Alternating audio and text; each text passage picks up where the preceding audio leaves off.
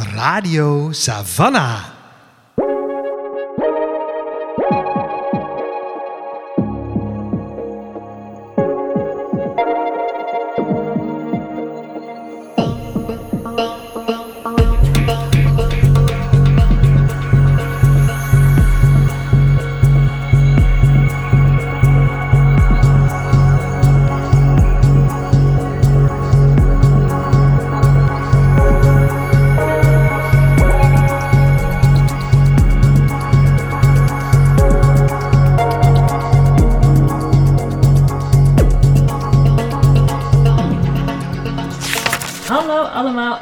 Bij een nieuwe aflevering van Radio Savannah, de podcast van Boekwinkel Savannah W.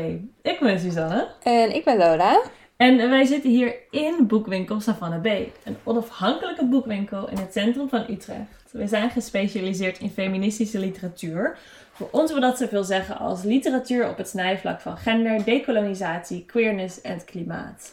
En in elke aflevering van deze podcast zetten we een boek, verhaal of persoon centraal. Wat die iets te maken heeft met één of meerdere van deze thema's. En eh, jullie treffen ons eh, nu op een hele bijzondere dag.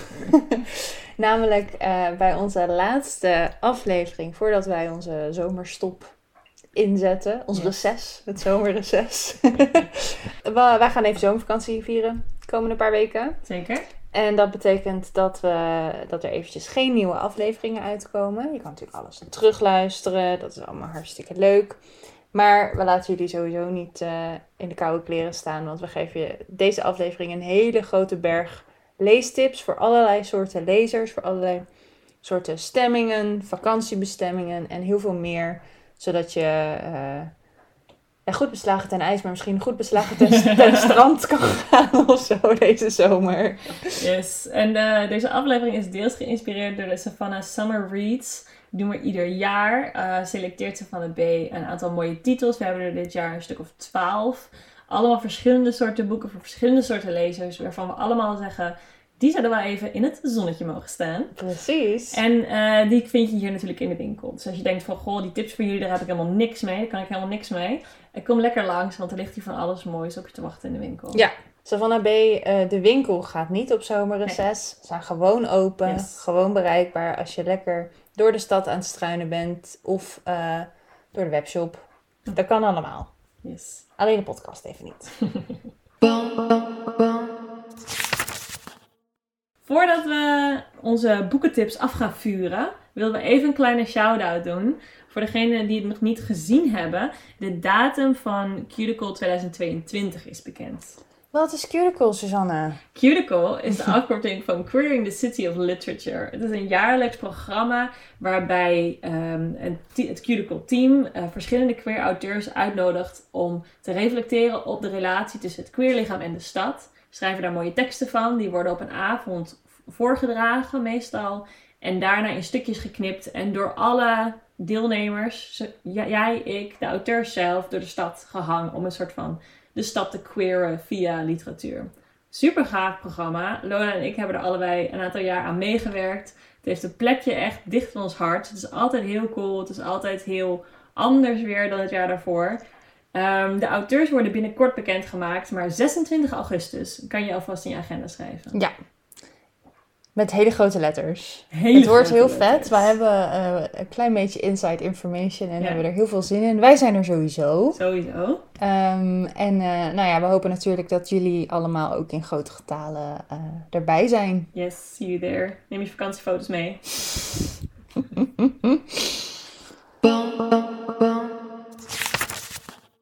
Het is tijd voor boeken. Tijd voor boeken. Tijd voor boeken. We dachten, hoe kunnen we dit nou een beetje leuk doen? Nou, dan, eh, daar hebben we wat op verzonnen. Iets ontzettend leuks. En niet ontzettend zelfverzonnen. Wij dachten, laten we nou niet gewoon een hele reeks boeken op je afvuren. Dat komt natuurlijk uiteindelijk wel op neer.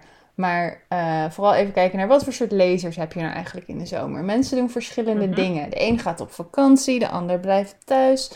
Sommige mensen nemen de, de zomervakantie eh, om, om een oude klassieker Mhm. eindelijk eens een keer te lezen. Anderen denken, nou nu ga ik al die hippe, hotte boeken waar ik Mhm. eerder geen tijd voor had, eh, ga ik eindelijk tot me nemen. Nou, Wie of wat je ook, eh, wat voor soort lezer je ook bent. We got you. Zoveel keus. En dit is er eentje uit de categorie beter goed gestolen dan zelf slecht verzonnen. dit is namelijk volledig geïnspireerd door een hele leuke Goodreads post. Dus als er bij onze tips niks tussen zitten, kijk lekker daar even rond. Ja, we gooien hem in de show notes. Er staan ook allemaal enige boeken tussen. Maar dit is dus van een B-editie. Ja, en die is altijd net een beetje beter. inderdaad. Ja, Ja. dat wel. Oké. Lezer 1. ja, wij dachten, wat is, wat is nou een type lezer? Ook wat wij hier wel vaak, eh, degene, men, iemand die we ook wel vaak in de winkel tegenkomen, die Mhm. zegt, goh, wat is nou nu hip? Of wat is een leuke nieuwe auteur die, Mm. ik, die ik echt moet kennen en waar jullie een, een dikke, vette, goedgekeurde vink achter, achter zetten? Eh, dus voor deze trendsetter, deze lezer die eigenlijk eh, het liefst zo iemand wil zijn die dan over drie jaar kan zeggen: Oh ja, maar ik kende diegene al eh, toen diegene debuteerde. Of daarvoor. hebben wij een perfect boek. Namelijk Diep Diep Blauw van Nicky Dekker. Mm.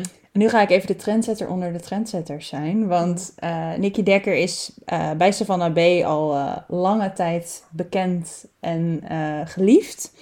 Zij was in 2019 deed zij mee aan Queering the City of Literature. hey, daar heb je het weer. Daar heb je het weer, ja ja. En daar zijn we nog steeds heel, heel trots op en blij mee. Toevallig hadden Suzanne en ik het er net over dat Nicky Dekker voor ons de allerbeste omschrijving van Utrecht ooit heeft gegeven in, in de tekst die ze schreef voor Queering the City of Literature. Eh, in dat jaar waarin ze Utrecht omschreef als de Dille en Camille onder de Nederlandse steden. Het is zo perfect. Ah, het is zo Utrecht waar. Is. Utrecht binnenstad is echt de, de De Dille, Dille en en Camille. Ja. van het land. ja, Oh. Ja, dus die kan je vast in je zak eh, steken. En het geeft ook wel aan dat Nikki eh, en heel creatief, maar ook heel accuraat Ja. observeert en, en omschrijft. Ja. En eh, nou, mijn leven heeft ze voor altijd gewoon veranderd. Dus Ja. dat, dat kan ze vast in de zak eh, steken. Ehm, en nu, eh, drie jaar na die, die legendarische Queering the City of Literature tekst, is er eh Nicky's debuutroman. Die heet Diep Diep Blauw. En is uitgekomen bij de Bezige Bij.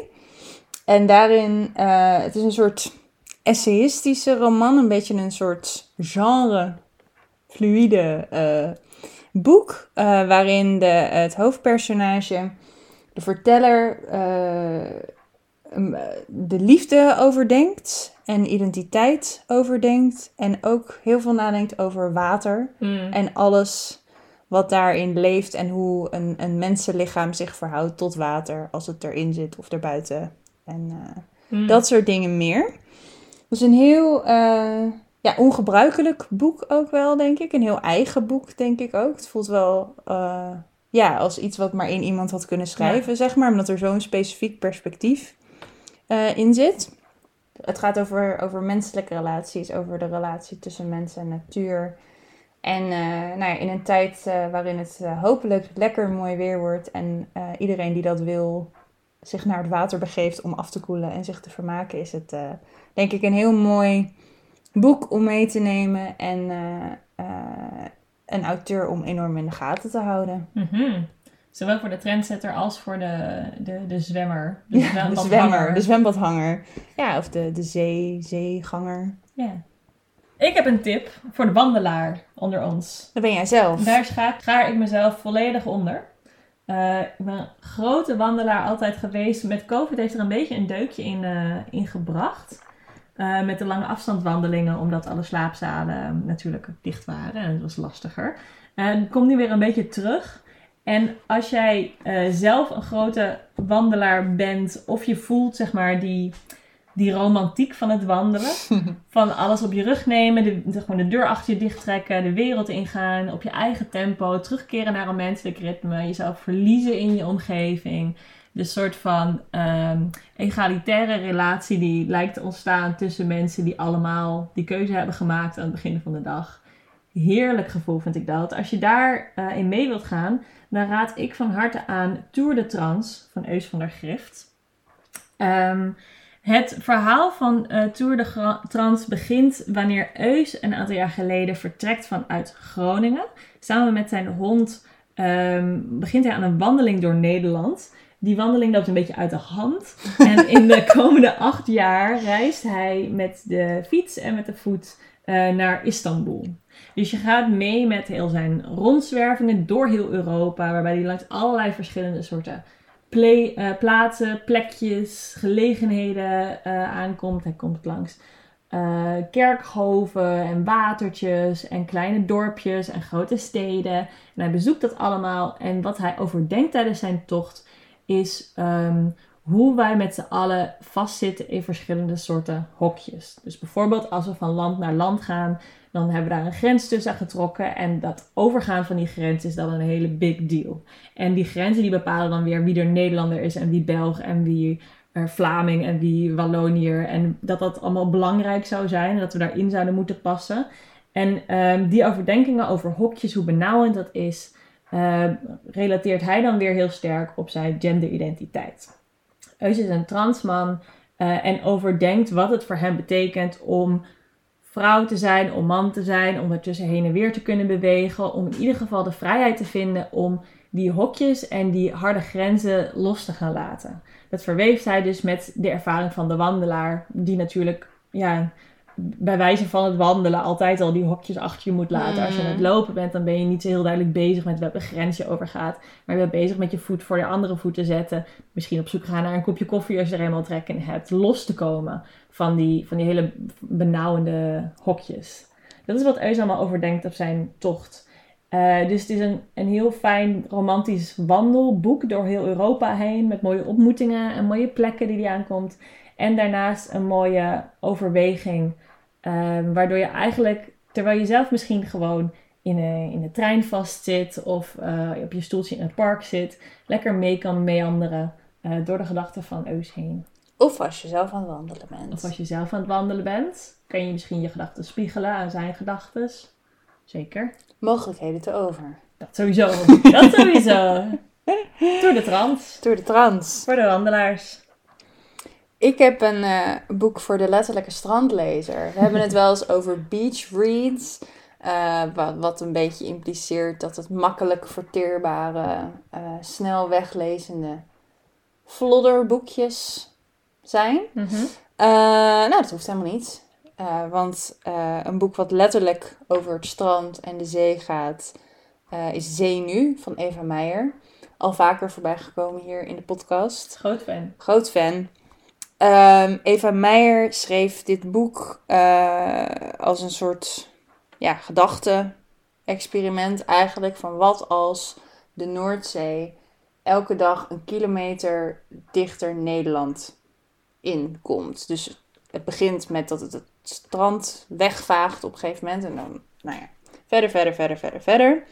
Uh, wat doet dat met de samenleving? Wat doet dat met politici? Wat doet dat met individuele mensen die gewoon hun leven aan het leven zijn en dan op een of andere staat ineens de zee voor je, voor je deur Mm. te, te razen.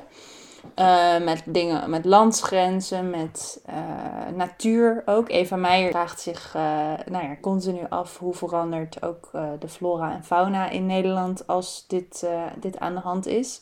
En wat zij heel mooi doet, is dat ze ook de zee een stem probeert te geven in dat verhaal. Natuurlijk gaat het over de mensen en over de, de samenleving die langzaam maar zeker steeds meer ontwricht raakt. Maar ook ze, ze, ze stelt ook vragen: wat is de zee? Welke rollen heeft de zee? Naar zichzelf, naar anderen, naar mensen, naar dieren, naar het bredere ecosysteem, naar de wereld. Mm -hmm. um, en waarom het nog extra een, een strandboek is, denk ik, los van dat het best wel leuk is, lijkt mij. Ik heb dit boek al gelezen, maar ik zie dat wel voor me zo op een handdoekje of op een stoeltje, uitkijkend op de zee, om dan een beetje daarover na te denken. Misschien is het ook wel een beetje spannend. Ik dat je die app en die vloed ziet. je bent lekker op vakantie, je gaat naar Scheveningen. Bam, klimaatverandering. Het is een soort uh, 4D uh, bioscoopervaring of zo. maar dan anders, dan met een boek. Nou, is dat nou niet leuk? Um, maar het is ook best wel een spannend boek. Het heeft natuurlijk iets heel dreigends. Ja. Ja. Van, oh, wat gaat er nu gebeuren? Wat gaat er nu gebeuren? En daardoor moet dat boek uit. Ja. En dat is wel wat ik heel erg ook associeer met, met strandlezen. je zit dus op zo'n op zo'n handdoek en dan heb je eigenlijk verder niet zo heel veel te doen behalve liggen.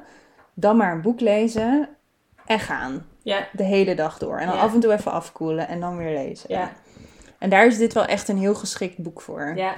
Dat is wel wat een beach read moet zijn, Ja. inderdaad. Ja. Ja. En dit heeft dan ook nog inhoud en zet je aan tot nadenken. En eh, Ja, en telkens als je dan even af gaat koelen, dan kan je een mooi gesprek voeren met degene die in het water tegenkomt. kijk, hoe voel jij het al hoger worden? Hoor jij de zee? Ja. Denk je dat de zee nu eh, antwoordt? Ja, best leuk. Lijkt me een mooie, mooie ijsbreker ook. ja, vakantie. zeker. Zeenu van Eva Meijer. Nice. Even aan de andere kant op.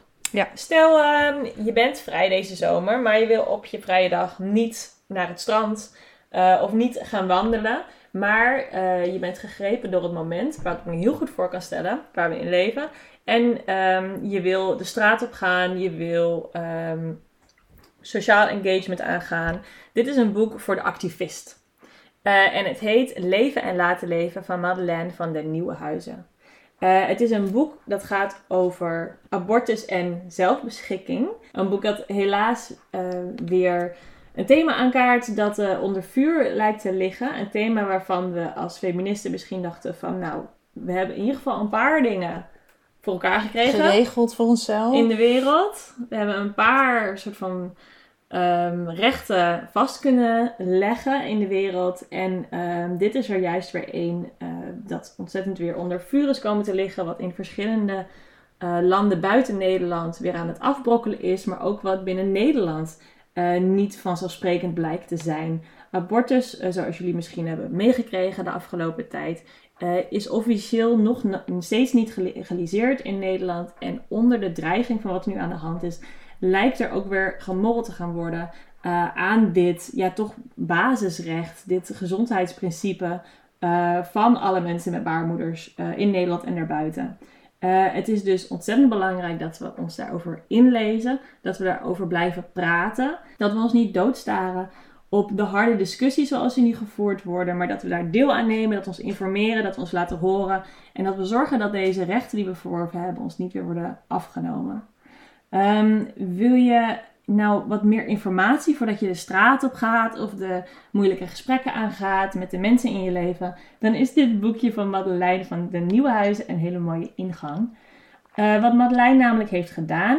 ehm, Madeleine, zal ik eerst even zeggen, is eh, rechtshistoricus en mediacriticus. Je kent haar misschien van alle verschillende optredens. Ze heeft column in het NRC, ze presenteert tv-programma's, ze schuift allemaal aan bij radioprogramma's. Eh, dus je kan haar daarvan kennen. Misschien ken je haar echter van haar Instagram-account Zijkschrift, Zijkschrift. En wat zij nou heeft gedaan voor dit eh, boekje, is zij heeft via haar Instagram-account mensen gevraagd om te reageren over stellingen rond eh, abortus en zelfbeschikking. Die verschillende reacties van allerlei verschillende Instagram-gebruikers heeft ze gebundeld en presenteert ze hier in dit boekje. Wat je dus krijgt is niet alleen maar Madeleine's eh, inzichten hierover, maar juist ook een hele cacophonie aan verschillende stemmen, verschillende meningen, verschillende inzichten. Het zijn soms ervaringsverhalen, het zijn soms politieke of religieuze eh, stellingen die mensen innemen. En wat Madeleine daarmee eigenlijk wil laten zien is, er bestaan zoveel verschillende ideeën en perspectieven hierop. En laten we eh, vooral naar elkaar blijven luisteren, laten we het gesprek blijven voeren, zodat we ervoor kunnen zorgen dat deze eh, rechten ons niet worden afgenomen. Ze leidt het boekje in, of die verschillende reacties die ze heeft verzameld, leidt ze in met een mooi evenwichtig essay over het thema. Dus je krijgt wat achtergrond Ja. en wat eh, argumenten van haarzelf en dan al die verschillende stemmen. Ja, en wat, omdat zij rechtshistoricus is, geeft dat ook nog weer een specifiek, Hmm.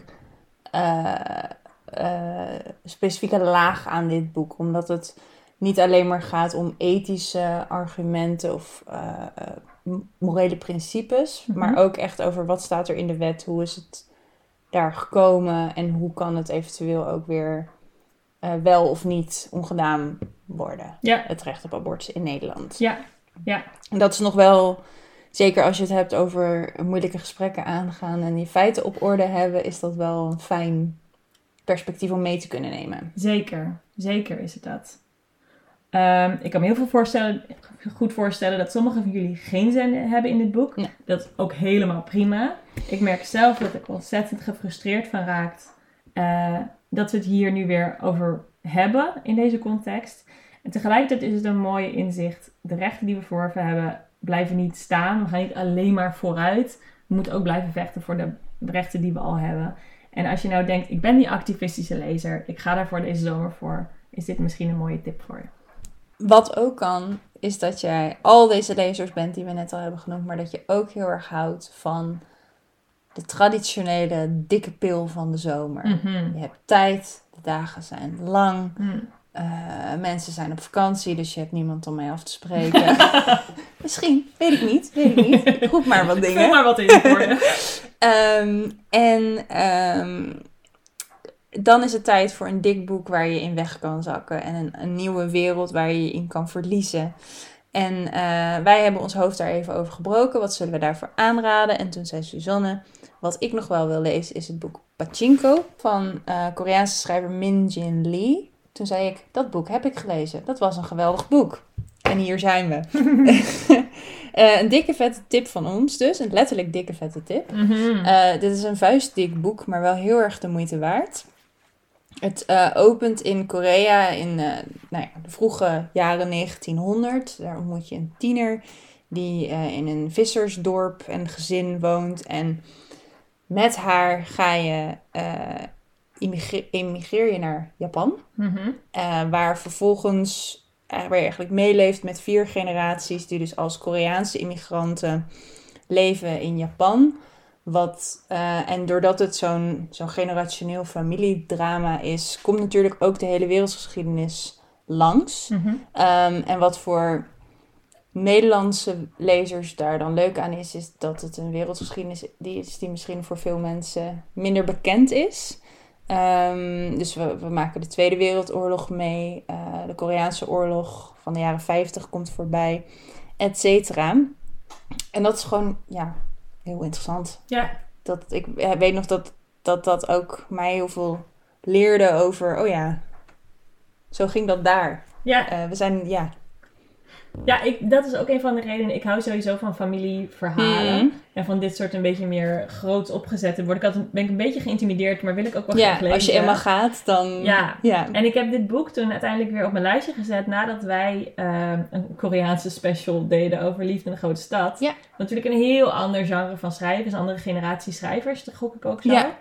Eh, maar toen was ook een realisatie, ik dacht, ik weet echt heel weinig van Korea, Koreaanse geschiedenis, Ja. wat daar allemaal mee gebeurd is. ja, hier komt dus heel veel voorbij. En, en dus ook echt de stemmen van verschillende generaties. Er zitten genderverschillen in. Eh, het boek gaat over sociale ongelijkheid. Maar ook gewoon over wie zijn deze mensen en Ja. hoe zitten ze in elkaar.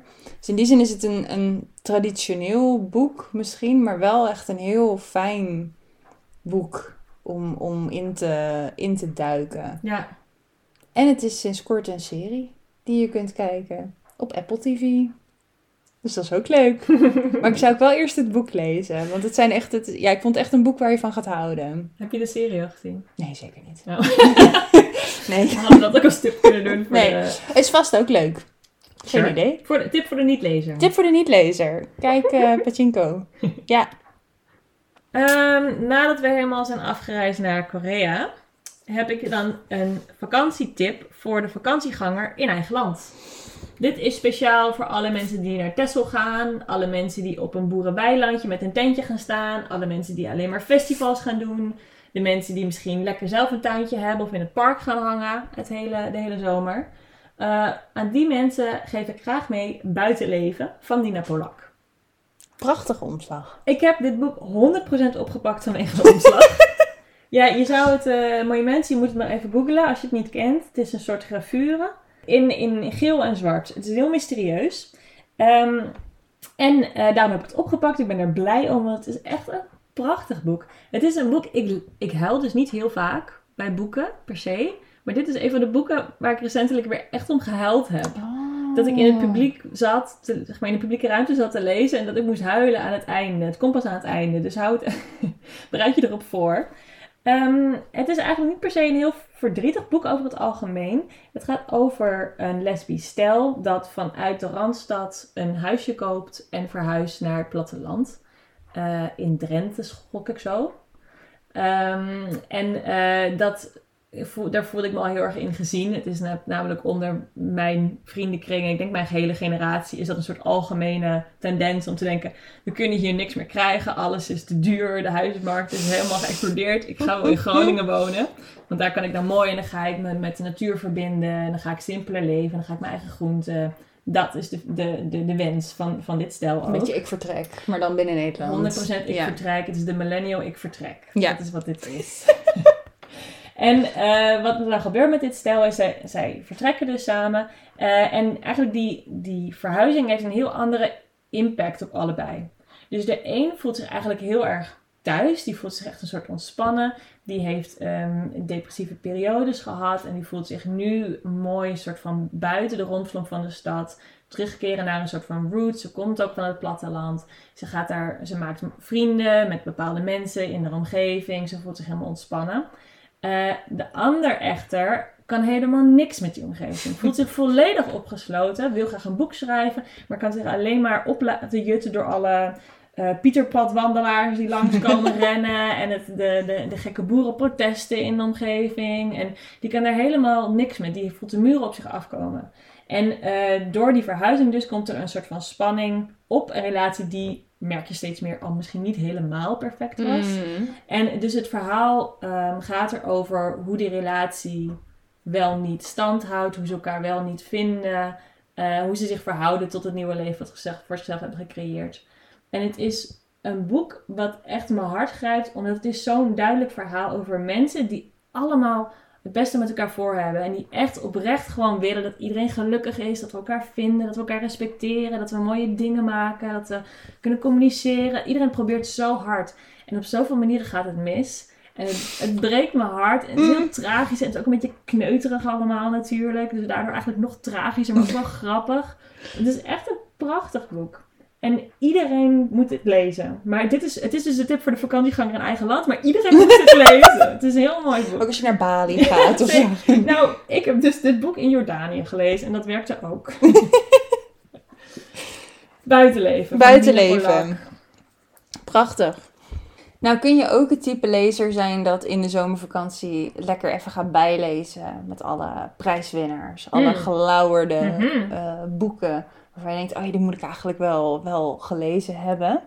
Ehm, en de Savannah B keuze daarvoor en onze boekentip in deze podcast is eh, het nieuwe boek van Ruth Ozeki. Eh, dat boek heet The Book of Form and Emptiness. Het is nog niet vertaald. En dat won dit jaar de Women's Prize. Ehm, dus dat is exciting. Gefeliciteerd Mhm. Ruth, als je Mhm, luistert. mhm. Stel je voor. Ehm, en dit boek gaat over eh, Benny. Benny O. Die is eh 13. En zijn vader overlijdt in een eh, ongeluk. Dat is natuurlijk heel tragisch. En wat, daar eigenlijk, wat dat in gang zet in hem is dat hij stemmen hoort van de objecten in huis. Een soort Toy Story, stel ik me voor, maar dan anders. Eh, dus de, de stoel kan tegen hem praten, de Ja. kast, de, de fotolijstjes, et cetera. Dat is natuurlijk sowieso niet heel handig, in, gewoon in je dagelijks leven. Maar wat dat nog versterkt, is dat zijn moeder, Annabel, ehm, ook in haar rouw en in haar verdriet en in haar onvermogen om, om daarmee om te gaan, eh, spullen gaat hoorden. Mhm. Dus er komen steeds meer spullen in het huis en hij hoort ze allemaal. Oh. Dat is niet handig. Door omstandigheden in het plot verzeilt Benny op een gegeven moment in een bibliotheek waar hij eh, de verhalen eh, van die boeken hoort, deels. En die boeken zijn heel chill en heel kalm en daar kan hij veel beter mee dealen. En daar ehm, vindt hij op een gegeven moment ook, hij leert daar mensen kennen, hij vindt zijn eigen verhaal, kan ook dus na zo'n periode van ontwrichting, eh, nou ja, kan hij proberen of het hem lukt om zijn eigen verhaal weer te hervinden. Ehm, en dit boek gaat dus over relaties, over een moeder-zoon relatie, over rouw, over verdriet. En dat, dat vertelt het echt ontzettend mooi en aangrijpend. Maar er zit ook een laag in over verhalen teksten, Mm. boeken. Ja. En, en, en dus een, iets, wat, iets wat, een, wat een plek vol boeken, in dit geval een bibliotheek, ehm, teweeg kan brengen. En een soort van mysterieus mysterie wat, daar, wat je daar omheen kan eh, ervaren. Mhm. Of kan vinden, of kan zoeken. En dat is voor, voor de lezer in ons, denk ik, altijd wel heel aantrekkelijk. Dat idee van, oh, een, een, een boekwinkel of een bibliotheek is toch een magische plek. Ja, Ehm, en dat, dat haakt dus allemaal op elkaar in op een hele mooie manier. Dus het is een heel vol boek, maar daardoor ook heel veel verschillende thema's om, eh, om op aan te haken. ja. Mooi. Ja, Ik moet eh, heel erg denken aan iets wat mijn, mijn moeder me een keer heeft verteld. En dat is als zij binnenkomt in een huis met een grote boekenkast, dat ze daarvan in de stress schiet. Ja. Omdat ze het idee heeft dat al die boeken tegen haar aan het schreeuwen zijn. Dat ieder, al die boeken alle verhalen aan het schreeuwen zijn. En dat ze daar dan iets mee zou moeten. Ja, toevallig heb ik het hier laatst met iemand over gehad. Die zei, ja, ik ga binnenkort eh, deurtjes op mijn boekenkast zetten. Want het, Ah. het is te luid. Oh, echt? te, te, ja. ja, ik herken dat totaal niet. Nee, ik maar, helemaal niet. Ja, Ik heb het tegenovergestelde. Ik denk juist omdat ze zo stil zijn, maar je weet dat er van alles in zit. Dus ik wil ze allemaal oppakken en pakken en er iets mee doen. Maar ze, ze zijn zo een soort van teasingly stil. ja. ja, blijkbaar zijn deze boeken dus heel beleefd allemaal. Heel kalmpjes. Grappig. Ja. Dus eh, dit was The Book of Form and Emptiness van Ruth, Ruth Ozeki. Mooi. De laatste van ons lijstje eh, is speciaal een tip voor ehm, de lezer die denkt... Gadverdarrie, die zomer. Ik zou eigenlijk willen dat het alweer herfst was. Ja, de herfstliefhebber. De herfstliefhebber. Zijn wij dat? Ik zelf niet. Nee, ik ook niet. En toch hebben we een boek voor jullie. Kun je nagaan. Zo solidair zijn wij met jullie allemaal. Love de zomer. Eh, het boek dat we hebben uitgekozen is Een geest in de keel van Darren Grava. Een Ierse eh, schrijver ehm, die een boek schreef over vrouwen, moederschap, het creëren van, van teksten, van leven, het eh, obsessie met andere vrouwen, met andere vrouwelijke verhalen. Eh, het is het verhaal van een jonge Ierse moeder ehm, die eh, thuis eh, is en met haar kinderen. Volgens mij bij de opening van het boek krijgt ze haar derde of haar vierde kind. En zij gaat er helemaal in op. Ze haalt er ontzettend veel plezier uit en voldoening uit. Het leven wat ze creëert, hoe ze dat leven in stand houdt, hoe iedere dag hetzelfde is. Ehm, hoe ze een zorg, kan zorgen voor alle mensen om zich heen. Eh, totdat er op een gegeven moment iets misgaat met een van haar kinderen. Niet op een manier trouwens die traumatisch is voor mensen met kinderen. Daar gaat iets mis met, met borstvoeding, zeg maar. Eh, maar daardoor raakt zij dus wel eh, in de ban van... Oké, wat gebeurt er als, als ik die functie niet meer zou kunnen vervullen? Wat gebeurt er als ik geen leven meer kan creëren? Als ik het leven niet meer kan ondersteunen, kan supporten, kan nourishen? Wat, wat doet dat met mij? Eh, en wat er dan gebeurt is dat zij toegeeft aan een bepaalde obsessie die al een beetje begon daarvoor met een middeleeuwse Ierse tekst die geschreven is door een vrouwelijke schrijver. Ehm, dat is heel opmerkelijk, want er zijn heel weinig vrouwelijke schrijvers ehm, bekend en hun werk is bijna nooit bewaard gebleven. En dit is er eentje. Eh, dat is een tekst die zij als schoolmeisje al moest leren en die altijd een beetje bij is gebleven. En nu ze in zo'n soort van crisis zit, hangt ze zich helemaal, eh, laat ze zich helemaal opslokken door die tekst. En met name door het gegeven dat wij zo weinig weten van die schrijfster. We weten eigenlijk alleen maar wiens vrouw ze was en wiens dochter ze was, maar verder heel weinig. Dus zij legt zich erop toe om zo groot mogelijke biografie te gaan schrijven. Ze gaat met al haar kinderen om zich heen, zeg maar, in de draagzakken en de auto's en wat ook. Gaat ze het land door naar allemaal archieven. En dan gaat ze proberen om het hele verhaal te achterhalen. En er zit een soort bepaalde obsessie in ehm, met die tekst. Maar eh, meer nog dan dat, een soort obsessie met het idee van het soort van creëren dat vrouwen kunnen. Eh, dat is een lelijke zin, maar ik bedoel te zeggen de verschillende manieren waarop vrouwen kunnen creëren. Ehm, de tekst, Een geest in de keel, eh, slaat ook op de, de, de manier waarop zij voelt dat in haar keel nog de geesten van de stemmen van de vrouwen die voor haar kwamen zitten. Dus als zij praat, praat zij met al die andere geesten in haar keel nog. Dus er is een hele grote verwevenheid daarin. Eh, en het is een heel mooi, heel vrouwelijk boek. Wat eh, een beetje disturbing kan zijn soms. En ook wel lastige vragen stelt. Maar ook een hele mooie soort solidari- een handreiking is. Een soort solidariteit eh, beoogt en faciliteert. Het is een heel erg soort van zuigt je in, sleept je mee boek. Dus he- het voelt voor mij heel erg als een regenachtige zaterdagmiddag. ja, precies. Als het een keer een, zo'n storm, zomerse storm, Ja. zo van nog net geen herfst, maar wel, je kan eigenlijk gewoon nou, niet naar buiten, Ja. moet je dit boek gaan lezen. ja, of als je zou, je zou willen voorstellen dat de zon voorbij is. En je Ja. denkt, ik ga een boek doen waarvoor ik in ieder geval denk dat het buiten regent. Ja, Neem dan mooi dit boek. ja, ja. Eh, een geest in de keel is dit. En als je nou benieuwd bent naar eh, alle andere titels die Savannah B tipt, een deel ervan hebben we net al met jullie gedeeld, maar er zijn er nog veel meer. 12 in totaal. Helemaal geweldig. Check dan onze website. Check onze socials ook. We gooien alles in de show notes. En er zit van allerlei moois tussen eh, om, eh, om de zomer al lezend mee door te komen. Mhm. Hou onze socials ook in de gaten, want er komt een kans om dit hele pakket van 12 boeken te winnen. Voor in je boekenkast. Met of zonder deurtjes, dat maakt niet uit. Ehm, daarvoor, eh, we gaan er wat uitdelen. Hou ons in de gaten. En eh, wie weet eh, ben jij een van de gelukkige winnaars van, eh, van al deze prachtige boeken. Yo. Nou, ehm, gaan we zelf natuurlijk ook nog wel eens een boek lezen. Soms. maar misschien voordat we nog onze persoonlijke eh, nou ja, planning met jullie gaan delen. Eh, Ben jij een van deze lezers, Suus? Denk je? Ehm, Los van dat je een wandelaar bent? Ik ben een wandelaar. Ik lees... Nou, ik ben wel eh, gevoelig voor prijzen. Hmm. Als zo'n boek een stickertje heeft, maar dat een prijs heeft gewonnen, dan denk ik, oh, oké, nou leuk, Ja. dan ga ik lezen. Ja, En ik ben ook wel gevoelig voor hypes. ja, ik ook. Dus als iemand zegt van, dit is een nieuw talent, Ja. denk ik, oh, wil ik lezen dan. Kijken wat het is. Ja, same. Daar, ja, die prijs heb ik iets minder. Mm. Maar ik denk inderdaad wel de, de, de trendsetter. Mhm. Lekker het nieuwste allemaal Mhm. afvinken. Ehm, en ik ben ook wel een, een strandlezer. Denk ik. Ja, ik niet zo heel erg. Maar ik hou ook wel echt heel erg. Kijk, dit is het verschil. Suzanne is een wandelaar. Ik ben iemand die op het strand gaat liggen. Eh, daar hou ik wel heel erg van ook. Ja, lekker. Maar je kan ook lekker romcoms lezen aan het strand. Zeker. Zeker. Ik ben misschien wel meer een herfstlezer. Hoewel ik wel van de Mm. zomer hou. Ik hou wel van herfstboeken. Maar dat komt ook omdat ik graag een beetje enge, spannende boeken lees. Ja, dat is En- meer een herfstgenre. Ja, want mensen doen ook soms wel thrillers op het strand lezen. Daar begrijp ik niks van.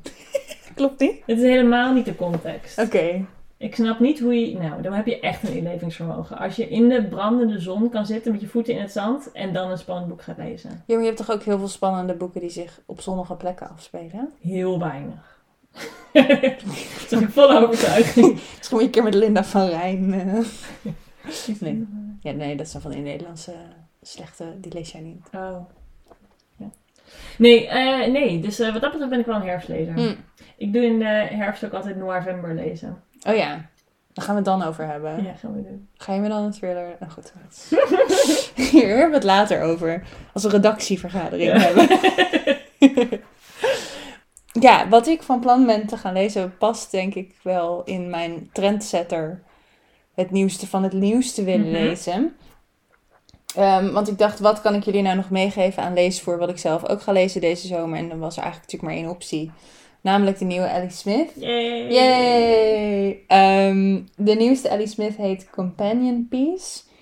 En is een vervolg, of een, een soort van eh, coda eigenlijk, eh, op haar eh, kwartet, haar seizoenskwartet. Hier ook al wel vaker besproken, maar voor wie het niet weet.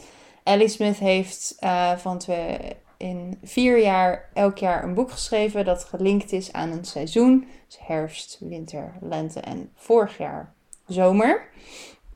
Waarbij ze dus in, in een jaar een boek schreef. En dat zijn Mhm. dus allemaal boeken die inhaken op de actualiteit. Op dingen die gewoon, nou ja, letterlijk twee maanden voordat je het boek in je handen hebt eh, gebeurd zijn. Mhm. Maar dat ook weer linken aan filosofie, geschiedenis, bredere vragen. Het zijn hele, ja, literaire boeken, zeg Mhm. maar.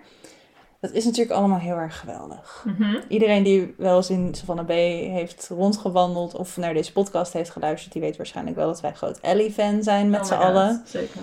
Eh, en nu is er eh, Companion Piece. En dat eh, ziet er sowieso prachtig uit. Ja. Het, op zijn Alice weer. Ik weet niet hoeveel zij hiermee te maken heeft, maar het, ziet er prachtig uit. En ehm, eigenlijk heeft ze dit, dit boek hangt dus een beetje aan het seizoenskwartet, maar overigens zijn er maar vier seizoenen, dus het heeft niet de titel van een seizoen. Um, maar doet wel datzelfde in dat ze het in een jaar heeft geschreven en dat het ook gaat over uh, nou ja, thema's die nu heel erg spelen. Waaronder uh, een pandemie, Hmm. lockdowns, et cetera. Ja, als tegenovergestelde daarvan ook over, ja, zij noemt het companionship, maar Mhm. dus uh, verbinding, gemeenschap, sociaal contact, et cetera. En dan nog met allerlei Ellie Smith uh, klassieke thema's, zoals gender, zoals uh, fluiditeit op allerlei verschillende manieren in het Mhm. leven opzoeken, kunst, grote vragen stellen en ze niet altijd beantwoorden. Ja. Ehm, ja, op zijn Ellie's is het gewoon volgens mij weer. En, en we zitten allebei glunderend naar dit boek te kijken. Ik heb het in mijn hand nu. Ehm, en eh, ik heb er helemaal zin in. Ja. Ja, die Kan kan, niet wachten. niet misgaan. Nee, en dit kan, dit, dit kan dus ook niet wachten. Dit kan niet een herfstboek worden. Nee. Dit is een zomerboek. Nee. En ik, toen ik het kocht, dacht ik ook... Oh ja, ik was me bijna al zorgen aan het maken hoe het zou zijn om een jaar zonder een nieuw Ellie Smith boek. te- wat bizar is. Dus vrouw is een soort schrijfmachine of zo. ja, echt hoor. Maar ja, ik ben heel blij dat het er is. Nice. Vijf vooruit. Dus dat wordt hem voor mij. Cool. Ik eh, ga een beetje een andere kant op, maar blijf wel heel erg in mijn eigen, mijn eigen paadje. Eh, ik heb namelijk al een tijdje liggen en nu ga ik hem echt lezen. Mexican Gothic van Silvia Moreno Garcia. Eh, het is een boek wat ik puur heb gekocht op de titel en Ja. de omslag. Ja, de omslag is heel mooi. Het is een heel mooi omslag. Google het even als je, als je hem niet kent.